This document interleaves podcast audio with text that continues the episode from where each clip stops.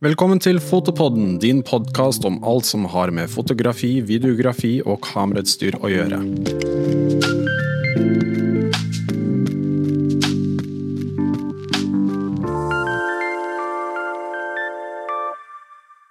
Dagens gjest er en anerkjent fotograf i surfemiljøet. 25 000 folk følger med på det han legger ut på Instagram, hvor han legger ut surfebilder fra hele verden.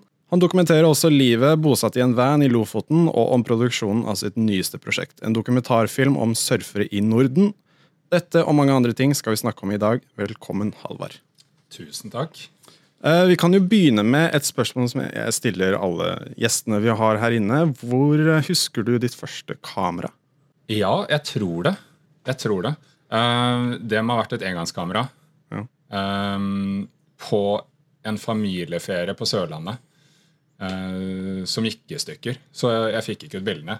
Men eh, bortsett fra det, det ordentlig første kamera, speilreflekskamera må ha vært et Canon 1100D eller 1000D. Det husker jeg ikke helt, men det er mange år siden. Ja, Hvor mange år siden er det? Nei, Vi snakker vel en åtte år siden, kanskje. Um, ja, Syv-åtte år siden. Var det sånn at du på en måte skjønte med en gang at dette er noe du vil drive med? Nei, absolutt ikke.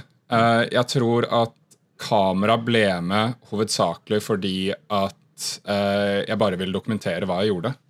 Ja. Så vi drev uh, mye med fjellturer og, og, diverse opplevelser. Og så ville jeg egentlig bare dokumentere på best mulig måte. Og da lærte jeg etter hvert at man må bruke litt penger på dette utstyret. Ja. Og så begynte man å lære seg å bruke det også etter hvert. Mm. Mm. Og hvordan eh, kom liksom surfing inn i, i, dette her? Hvordan begynte du med surfefotografering? Jeg studerte i Oslo. Um, og så måtte jeg ut av landet for å fullføre bacheloren min. Uh, og da falt valget på Hawaii. Mm. Uh, ikke veldig vanskelig valg, Nei. for så vidt. Um, og da begynte jeg å surfe etter hvert, som alle andre, og som man egentlig må når man bor på Hawaii. Ja. Uh, så plukket jeg opp et kamera. Jeg kjøpte et kamera som var ganske mye bedre enn det jeg hadde i Norge. fordi det var på en tid hvor dollaren var veldig mm. veldig ålreit. Um, og til slutt så ble det til sammen til surfebilder. Uh, og siden den gang så har jeg bare tatt et steg videre og videre og videre. Og nå, nå er det fulltidsjobb. Ja. Mm. Når Husker du sånn cirka når det på en måte ble en jobb, når du skulle satse på det som en karriere? For det er veldig mange begynner som hobby, meg inkludert, og på en måte etter hvert så tenker man ja, men noen folk begynner å spørre etter bildene dine og sånne ting, og så sakte, men sikkert så blir det en karriere. Eller var det en sånn et punkt? Ja. Um, jeg vet ikke om det var et spesielt punkt hvor jeg uh, skjønte at eh, eller at jeg hadde gått inn i en slags jobbmodus. Mm. Det har alltid vært hobby. Det har alltid, alltid vært det jeg syns er veldig kanskje det morsomste jeg vet. Er å svømme rundt og prøve å ta de beste bildene i vannet når folk surfer. Men det er klart at uh, de siste to-tre årene så har, uh, så har, man blitt spurt mer og mer om å kunne være med på turer eller uh, dokumentere det som skjer i Lofoten eller andre steder i Norge. Um, så det er vel de siste tre, ja, kanskje tre-fire årene hvor jeg har gått inn i en jobbmodus. Eh, det sagt så er vel 75 eh, av de bildene jeg tar, legger ut, publiserer, selger, er tatt på fritiden. Ja. ja. Så det er mye, mye i vannet. Og um, du har jo med i dag eh, kameraet ditt uh, som vi er på bordet. Kan du beskrive litt hva vi sitter med her? Dette er et uh, vannhus. Et uh, Aquatec-vannhus som er bygd spesielt for Canon 1DX. Mm. Uh, den tar for så vidt 1DX1 og Mark 2. Um, det veier en del, som du fikk kjenne på, ja. uh, men det flyter. Ja. Uh, og så er det bygd som en tanks. Um, bortsett fra frontporten og bakplaten så er det meste her bunnsolid. Ja. Sånn at du kan treffe steiner og korallrev og andre surfere uten at det bryter sammen. Men uh, det er det jeg tjener penger med. Og bakpå så har du et par knapper, så du kan styre. Jeg skyter både video og foto med det. Mm. Um, og så har du da et pistolgrep her som du kan fokusere med mm. og ta bilde med. Spennende. Uh, og da holder du det på denne måten. Og hvis man skulle ønske å investere i et sånn type hus, hva ser man på da, på en måte? Det der er vel en eh, 30 000-35 000 investering Ja. for selve vannhuset med det pistolgrepet og den porten. Um, og så er det litt vrient å selge det igjen, da. Det er jo bare laget for den, eh, det objektivet og det kameraet. Ja. Så det er jo litt sånn, eh, litt sånn halvkjedelig. Ja. Men um, jeg vil jo si til alle at eh, man bør gå for noe lignende.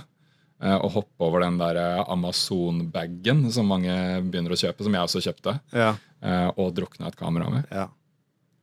eh, og gå rett på en av disse her, sånn at du slipper å eh, ende opp med et kamera som eh, ikke fungerer lenger pga. saltvann.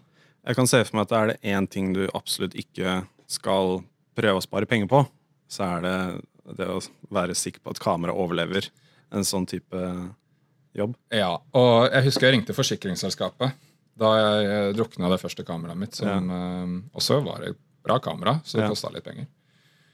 Og så sa jeg at eh, nei, nå har jeg ødelagt kameraet mitt her, og det går jo for så vidt på reiseforsikringen. Um, og så spurte hun hva jeg hadde gjort. Og da sa jeg, jeg sa jo det som hadde skjedd. Ja. Jeg hadde tatt kameraet mitt inn i en bag og svømt ut i bølgene på Hawaii. Uh, og så hadde det begynt å lekke. Og, og det er klart at for en forsikringsdame som sitter på Skøyen eller Lysaker det, det, Jeg fikk ikke igjen de pengene. Nei, Det var litt brukerfeil. det er, ja, det er litt din egen feil. Det er litt akkurat. din egen feil. Ja. Ja. Nei, Jeg hørte det også med tanke på Jeg husker jeg måtte på legevakta en gang etter at jeg surfa og fikk brett i ansikt. Ja. Og da ble jeg egentlig litt å liksom ikke, Det er liksom på en måte din egen feil at, du, at noe skjer under eh, surfing. Det går liksom under ekstremsport, forstår jeg. At liksom Hvis noe skjer ute i vannet, så er det på en måte litt sånn Ja, ja, du må regne med at risikoen er der for at det skal skje. Ja, og du har jo egne forsikringer for det. Ja. Eh, Men det, det hadde jeg ikke den gangen. Så etter den tid så har jeg hatt en fire-fem forskjellige sånne, Mm. som egentlig bare har fulgt kamerautviklingen min. For hvert nye A-kamera jeg har, så har jeg jo kjøpt et nytt vannhus. Og så prøvd å selge det gamle, som er veldig, veldig, veldig vanskelig. Ja, siden det er jo en nisje, dette her. Det er jo ikke veldig mange som jobber med dette. Nei, Det er ikke mange som jobber med det, og det er ikke mange som gjør det på hobby heller. Nei. Eh, om vi er en kanskje en ti stykker i Norge Ja. som har vannhus for å ta bilder av surfere. Mm. Eh, det må være noe sånn. Eh, og av de så er det ikke veldig mange som ehm, tjener penger på det. Og det er vel ingen andre som, som gjør det som en fulltidsjobb. Så når jeg ser for meg det at eh, Vi har jo alle, eller hvis man følger med på forskjellige eh, surfeprofiler og sånt på Instagram, så ser man jo de gangene hvor det er eh, Det er jo alltid stappfullt med surfere i vannet, men det er jo noen ganger det er litt overflod av fotografer også. Hvordan er på en måte reglene og prioriteten og sånne ting hvis det er flere fotografer i vannet? da? Veldig, veldig godt spørsmål.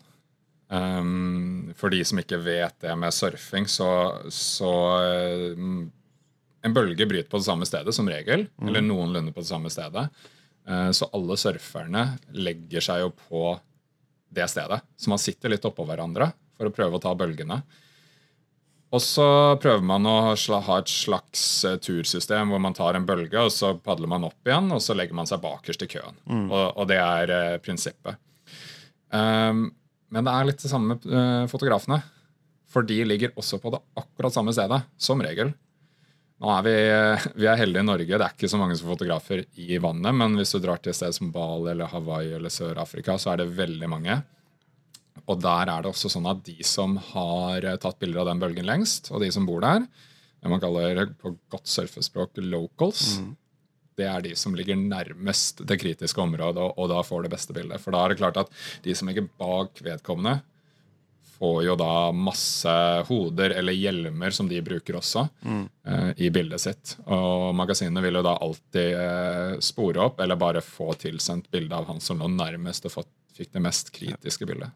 Så det går litt på ansiennitet. Der også. Ja. Um, og så må du også tørre å ligge der det er mest kritisk. Det er ikke alle som gjør det, det er noen som ligger litt langt unna. Ja. Um, og det, det handler også om god kommunikasjon. At hvis du har fått inn en surfer fra Australia, og det er en annen fotograf i vannet, så går det an å si til vedkommende at hei, uh, vi har brukt masse penger på å få vedkommende hit. Kan du svømme fem meter til siden når det kommer en bølge som han er på, og så tar jeg det bildet, og så svømmer vi tilbake igjen i posisjon. Det er bra å kommunisere, føler jeg. Det er, liksom sin, det er jo eh, sikkerhetsmessige årsaker også, at hvis du ligger på feil sted, så blir du kjørt over av en finne, og man vil jo helst ikke det. Du vil jo unngå at det skal skje. Ja, helt klart. Og det er en veldig, veldig spesiell eh, fototype, eller hva mm. du skal kalle det. For jeg har hørt uh, sammenligne med at det er som å skyte Superbowl med fish, en fisheye. uh, du løper rundt med spillerne på banen ja. og prøver å ikke bli kjørt over av store, tunge mennesker uh, med skarpe finner på surfebrettet sitt. Ja. Og på den ene siden av deg så er det noen tonn kubikktonn med vann. På den andre siden så er det kanskje en meter før du treffer sylskarpt korallrev. Så de som er virkelig gode på dette, de som er i verdensklassen, de leker litt mellom liv og død, men mm. selvfølgelig veldig veldig kalkulert. Og de er eh, vanvittig gode på det de gjør. Har, har, du opplevd noen gang at noen hvis ulykker eller noen sånne ting mens du har vært i vannet? Ja, nå er det vel nesten sånn at det skjer hver gang jeg drar på en tur, at vi krasjer. Eh, det handler mer om at vi pusher grensene kanskje litt. Um, jeg hadde nettopp en reklame for et bilmerke hvor vi eh, krasja, jeg og surferen. Han kjørte rett og slett bare rett over meg og traff meg i skuldra. Men det endte med å bli et så bra klipp at det ble første klipp i reklamen. Ja. Så um, Det var verdt det? det var, ja, det var verdt det den gangen. Eh, neste gang hvis finna går gjennom drakten og du kutter det noen centimeter inn i skulderen, så er det litt kjipere. Men um, det handler mye om å kjenne utøveren du tar bilder av. Uh, uansett om det er ski eller surfing eller sykling eller hva som helst. Mm. Vet du hva vedkommende gjør? Hvor lang tid uh, han eller hun trenger for å gjøre uh, triks? så klarer du å gans kalkulere ganske godt hvor det bør ligge. Så Man må jo også vite på en måte hvilke bølger de velger å gå etter også. Og på en måte være klar og, og ligge riktig i vannet og sånne ting også. Så ja. Ja, helt klart. Det, det, er ganske mye å tenke på. Jeg har surfa litt selv, og på en måte man går jo Jo dypere man går inn i det, jo mer avansert blir det, og finner ut at det er eh, ja, utrolig vanskelig når du først liksom skal begynne å gå ut på eh, litt eh, større bølger. Ja, det er Én ting er å ta bilder fra land når det kommer til surfing. Mm. Det å ligge i vannet, enten om du skal surfe selv eller om du skal ta bilder, Eh, tar du bilder, så kommer det en person mot deg i eh, x antall kilometer i timen. Det går ganske fort. Mm. Eh, samtidig så har du enorme mengder med vann. Eh, sterke, sterke strømmer som selv med svømmefinner noen ganger ikke klarer å kjempe mot. Mm. Eh, og på den andre siden av bølgen så er det som regel ikke så veldig dypt. Så det er et, eh, en sånn kvantefysikk-regnestykke som kommer opp i hodet hver gang en surfer tar bølge foran mm. meg. Og så prøver man etter beste evne å, å, fange det ene øyeblikket. Ja. Uh, vi skal uh, snakke litt om uh, Lofoten, siden du legger ut mye på Instagram at du bor der oppe i en van. Jeg har aldri vært der selv, men jeg har sett bilder. masse bilder og på de solfulle dagene, men det er jo også mye vær og vind der. Er det like fint i Lofoten som alle skal ha det, eller er det litt oppskrytt? Det korte svaret er ja. Det er like fint som på bildene, om ikke mye, mye, mye finere. Eh, det lange svaret er jo at det er litt lenge mellom hver fine dag mm. til tider. Um, alle som har bodd i Nord-Norge, vet jo hvordan mørketida er. Den kan være litt, uh, litt tøff for noen. Um, og det er veldig mange stormer der. Mm. Så de Eh, som jeg kaller det, unicorn and rainbow days, de er det ganske lenge mellom. Uh, særlig for oss som ønsker å ha bølger, fordi at vi holder på kanskje mellom september og april. Det er hovedsesong for oss, altså om vinteren og høst og vår. Og da treffer det ganske mye vær i Lofoten. Så det er klart, kommer du i juli, så får du ganske sikkert eh, OK vær og får sett alt det helt sinnssyke mm. som finnes i Lofoten. Eh, kommer du resten av året, så drar du litt eh, på måfå og krysser fingra for at eh, du får i hvert fall en dag eller to som ser ålreit ut. Ja, det skjønner jeg. Jeg var nettopp på Hoddevik, og da før jeg dro dit, så snakket jeg med noen surfere og kjøpte surfebrett, og da sa jeg at liksom Min definisjon på vær var hvordan været, om det var sol eller ikke. Deres definisjon på om det var bra vær, var om det var bølger eller ikke. Og det var liksom det de tenkte på. Så det kan jo, selv om det regner og er overskya og sånne ting, så, så lenge bølgene er der, så er det liksom det som er det viktigste, tenker jeg da. Ja, helt klart. Jeg tror at um, Da jeg bodde på Hawaii, for eksempel, så sjekka vi aldri værmelding. Vi sjekka bare bølgemeldingen. Ja. Og så dro man bare hvis det var bølger. Og det er litt det samme i nord. Uh, det er klart man lærer seg å lese værmeldinger og bølgemeldinger ganske godt. Se hva som påvirker hva. Um, men om det snør eller blåser eller regner eller er sol eller er nordlys. Mm. Eh, man er uti når det er bra bølger. Og Det merker jeg på en måte en veldig stor forskjell fra de gangene jeg har surfet hvor det ikke er så bra vær på morgenen. At det er jo utrolig kjipt å stå opp, og det er kaldt, og du skal ha på deg en våtdrakt som ikke har tørket over natta fra dagen før, og du skal ut i kaldt vann. Eh, men så fort du fanger den første bølgen, så er liksom smilet fra øre til øre på de som virkelig liker det. da. Og de som ikke er så gira, de kommer seg egentlig ikke ut. Så det er på en måte sånn Du ser jo fort hvem som er gira, og hvem som ikke er det. Når det er liksom snakk om sånne forhold, da. Siden veldig mange forbinder jo surfing med liksom tropisk og Bali, for eksempel, og bare at man ligger i vann og slapper av og fanger en bølge her og der. Men det er jo ikke alltid ja, helt klart. sånne ting. Um, de surferne jeg kjenner i Lofoten, eller egentlig alle som bor og surfer i Lofoten eller lignende steder, de er eventyrlig dedikerte. Mm. Det er helt vanvittig. Eh, de kan gå ut i minus 15 eller 20 og ønske å være i vannet som kanskje har to eller tre grader. Mm. Det er det beste de vet. Ja. Eh, det er for så vidt det beste jeg vet også. Og det å se en eh, frossen mann eller dame stå med håndkle rundt seg eh, i snøstorm i midten av februar i Lofoten etter å ha surfa i tre og en halv time, det er en helt eh, Det er et syn, altså. Ja. Eh, og når du da også ser at vedkommende smiler, ja, ja. Da, da, skjønner du at det er noe spesielt. Altså. Jeg har sett noen sånne klipp hvor det er på en måte en fyr som har istapper på skjegget. Ja. Bare snakker om hvor fantastisk bølgene var. Og ja. er superhappy. Ja, det er faktisk i, det er i Canada, ja. hvor du har innsjø, hvor du har ferskvann som fryser lettere. Ja. Men uh, er, eh, de er vanvittige, de surferne som holder på der oppe. Og du, som du, vi snakket om, at man går gjennom mange dårlige dager mm. før man får en bra en. hvor lenge har du ventet, på en måte, eller brukt tid på å fange det perfekte bildet. Siden når man ser på surfefilmer og skatefilmer osv., så, videre, så er det jo bare ett triks, en bølge etter en annen. Men du vet jo Hvis man vet litt om dette her, så vet man at det tar veldig lang tid å få de fem sekundene eh, Få den perfekte bølgen. Og det er på en måte ikke sånn Det kommer ikke tre-fire stykker på rappen alltid.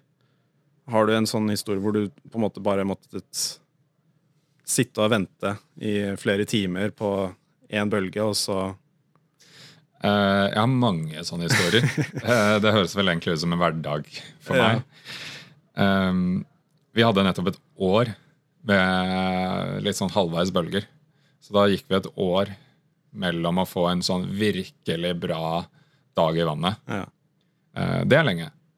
det er lenge. Det er lenge. Um, vi var nettopp på Island også. Mm. Og filmet for også et bilmerke og litt andre. Og da spurte produksjonslederen uh, hvor lang tid jeg trengte for å få de to-tre klippene vi trengte for å bare fullføre reklamen. Og som den surfefotografen jeg er, så sa jeg at det har jeg ikke peiling på. Jeg kan, jeg kan, trenge 30 minutter, jeg kan trenge hele dagen, eller to dager eller en uke. Det kommer litt an på eh, moder, eh, moder jord og mm. naturen. Ja. Eh, så vi ble sittende på stranda i syv timer og vente. Ja. Og så kom bølgene. Og så fikk vi akkurat de bildene vi skulle ha. Og vi var i vannet i 30 minutter, og så var det opp igjen. Ja. Da hadde vi brukt syv og en halv time, og syv av de var bare på å sitte og vente. Ja. Mm. ja. Det, er, det er dedikasjon. Det skal man ha. Ja, det er dedikasjon. Eh, Det er vel kanskje halvveis eh, dumhet også å sitte der og eh, på en øde side av Island og vente på en bølge som man kan surfe. Men når du får det bildet av den surferen som er på den ene bølgen som kom gjennom den ene dagen i året, da har det vært det. Jeg kan tenke meg liksom sånn hvor mye du ville angret hvis du bare bestemte deg for å droppe og vente. Bare, Nei, vi gidder ikke dette her, og så drar de hjem, og så ser du noen andre kanskje har surfet den bølgen som kom en halvtime etter at dere dro. Den følelsen der er jo enda verre. Den er mye, mye verre. Ja, ja. Ja, og det, det går jo igjen i alle sporter man holder på med. Ja. At hvis du eh, velger å ikke dra på den fjellturen, og så ser du noen andre legge ut bilder av at de kjørte en meter med pudder, Ja. så eh, det, den er mye kjipere den enn å kjøre opp og få våt snø. Ja. Så vi, eh, vi, som sagt så går man gjennom ganske mye dårlig vær og dårlige bølger før man får det gode, men eh, da er det helt klart verdt det. Um, vi skal snakke litt om uh, den uh, Du bor jo mesteparten av tida i en van oppe på Lofoten. Grunnen til å kjøpe og bo i en van der oppe, var det pga. fleksibilitet og kunne bare forflytte seg veldig enkelt, eller var det liksom sånn så man ser, man ha, Jeg tror veldig mange har den, det romantiske eh, bildet av hvordan det faktisk er, og ønsker å gjøre det en periode. Eh, Var det noe liksom Du hadde sett noen bilder på Instagram som fikk deg inspirert, eller hva var grunnen til å Det starter alltid med sosiale medier nå om dagen. Ja. Det gjør jo det. Eh, og jeg hadde sett på van i flere år før jeg valgte å kjøpe en. Mm. Og den store grunnen var av prosjekt. Uh, mye rundt omkring.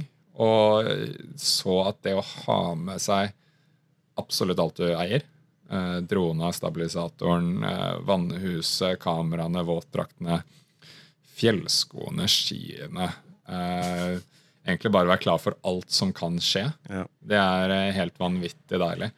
Og så er det som du sier, at eh, det å bo i van, særlig for de som er eh, mellom 18 og 35, det ser jækla ålreit ut. Men det er beintøft om vinteren. Jeg måtte inn i leilighet i noen måneder nå om vinteren. Eh, bare fordi at jeg orka ikke å styre med frosset vann eller våtdrakter som aldri tørka om vinteren. Um, men eh, nei, bilen er lasta med alt jeg trenger. Ja. Og så kjører jeg mye rundt til prosjekt. Eller så parkerer jeg et sted eh, når jeg drar til utlandet. Og kan komme hjem igjen og egentlig være veldig veldig fleksibel. Ja. Det er klart, Driver man med foto og video, som mange her gjør, så er det mye batterier. ja, det var det jeg tenkte litt på. Ja. Alt må jo lades og Ja. sånne ting. Så det er veldig morsomt vi har, når vi er på produksjon med bilen, med vanen, så legger vi alle laderne i én bag. Mm. Og så stripser vi de og gjør det litt sånn ordentlig. Og så setter vi den inn i en sånn splitter. Og så tar vi med denne bagen inn på kafeer, kjøper en kaffe eller et måltid. Og så plugger vi den inn, og så krysser vi fingeren hver gang for at vi ikke tar sikringen. For da, da ligger det jo 17 batterier og ladere og alt mulig inni der. Uh, vi har ennå ikke tatt en eneste sikring, så det er, det er bra. Men uh, man, uh, man lærer seg at ja, det, det krever mye energi for å drive med det vi driver med. Ja, man må finne ut av det. Jeg husker jeg pakket jo første gang nå forrige uke, så pakket jeg både alt av kamerautstyret mitt pluss da et nytt surfebrett.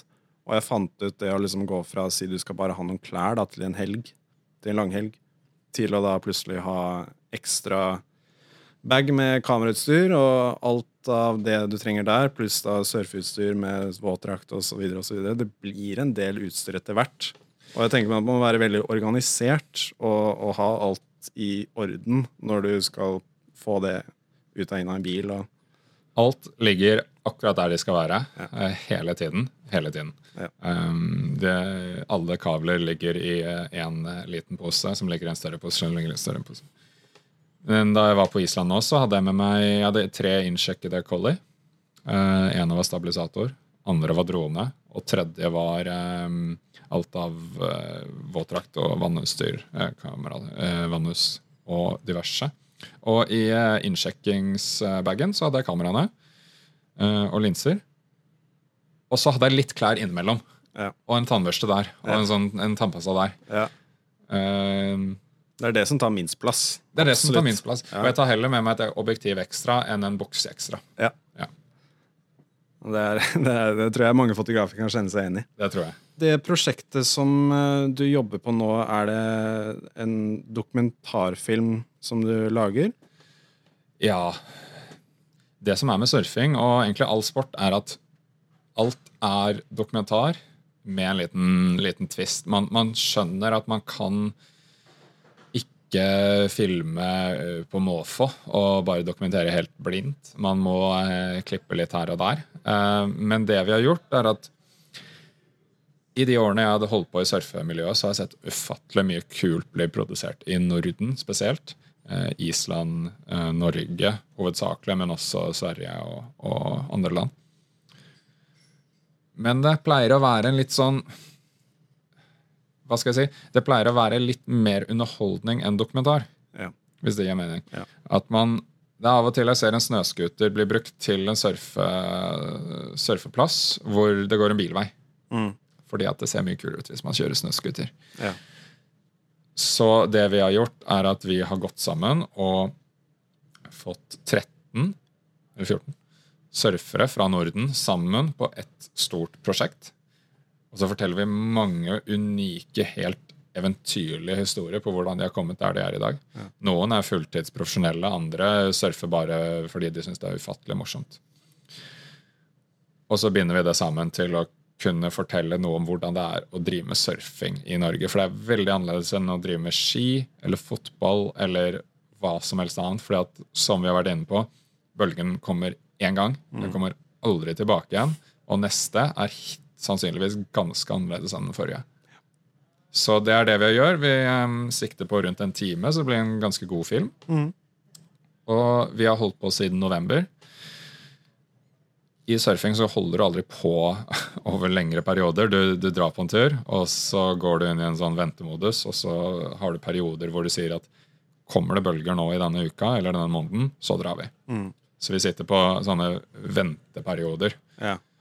Eh, av og til, og vi har vært på tre steder nå, skal på tre til. Eh, og så håper vi at det blir såpass bra bølger og såpass mye bra innhold at eh, noen har lyst til å se den og syns den er ålreit også på slutten. Har dere noe, noe release-dato eller noe sånt, eller tar det litt som Nei, vi har sagt høsten 2020. Ja. Ja, og det er det vi fortsatt sikter på. Det ser ut til å gå. Men um, som du vet, og som alle andre som driver med sport vet, denne vinteren kan bli kjempedårlig. Neste vinter kan bli enda dårligere. Eller så kan vi ha den beste vinteren vi noensinne har hatt. Eh, skal man filme ski, så er det ganske greit å ha snø. og det er litt det samme med surfing, at eh, det er litt ålreit hvis det bryter en bølge der. Ja. Så vi sikter på 2020 på høsten, men eh, vi får se. ja jeg gleder meg i hvert fall til å se det når det kommer ut.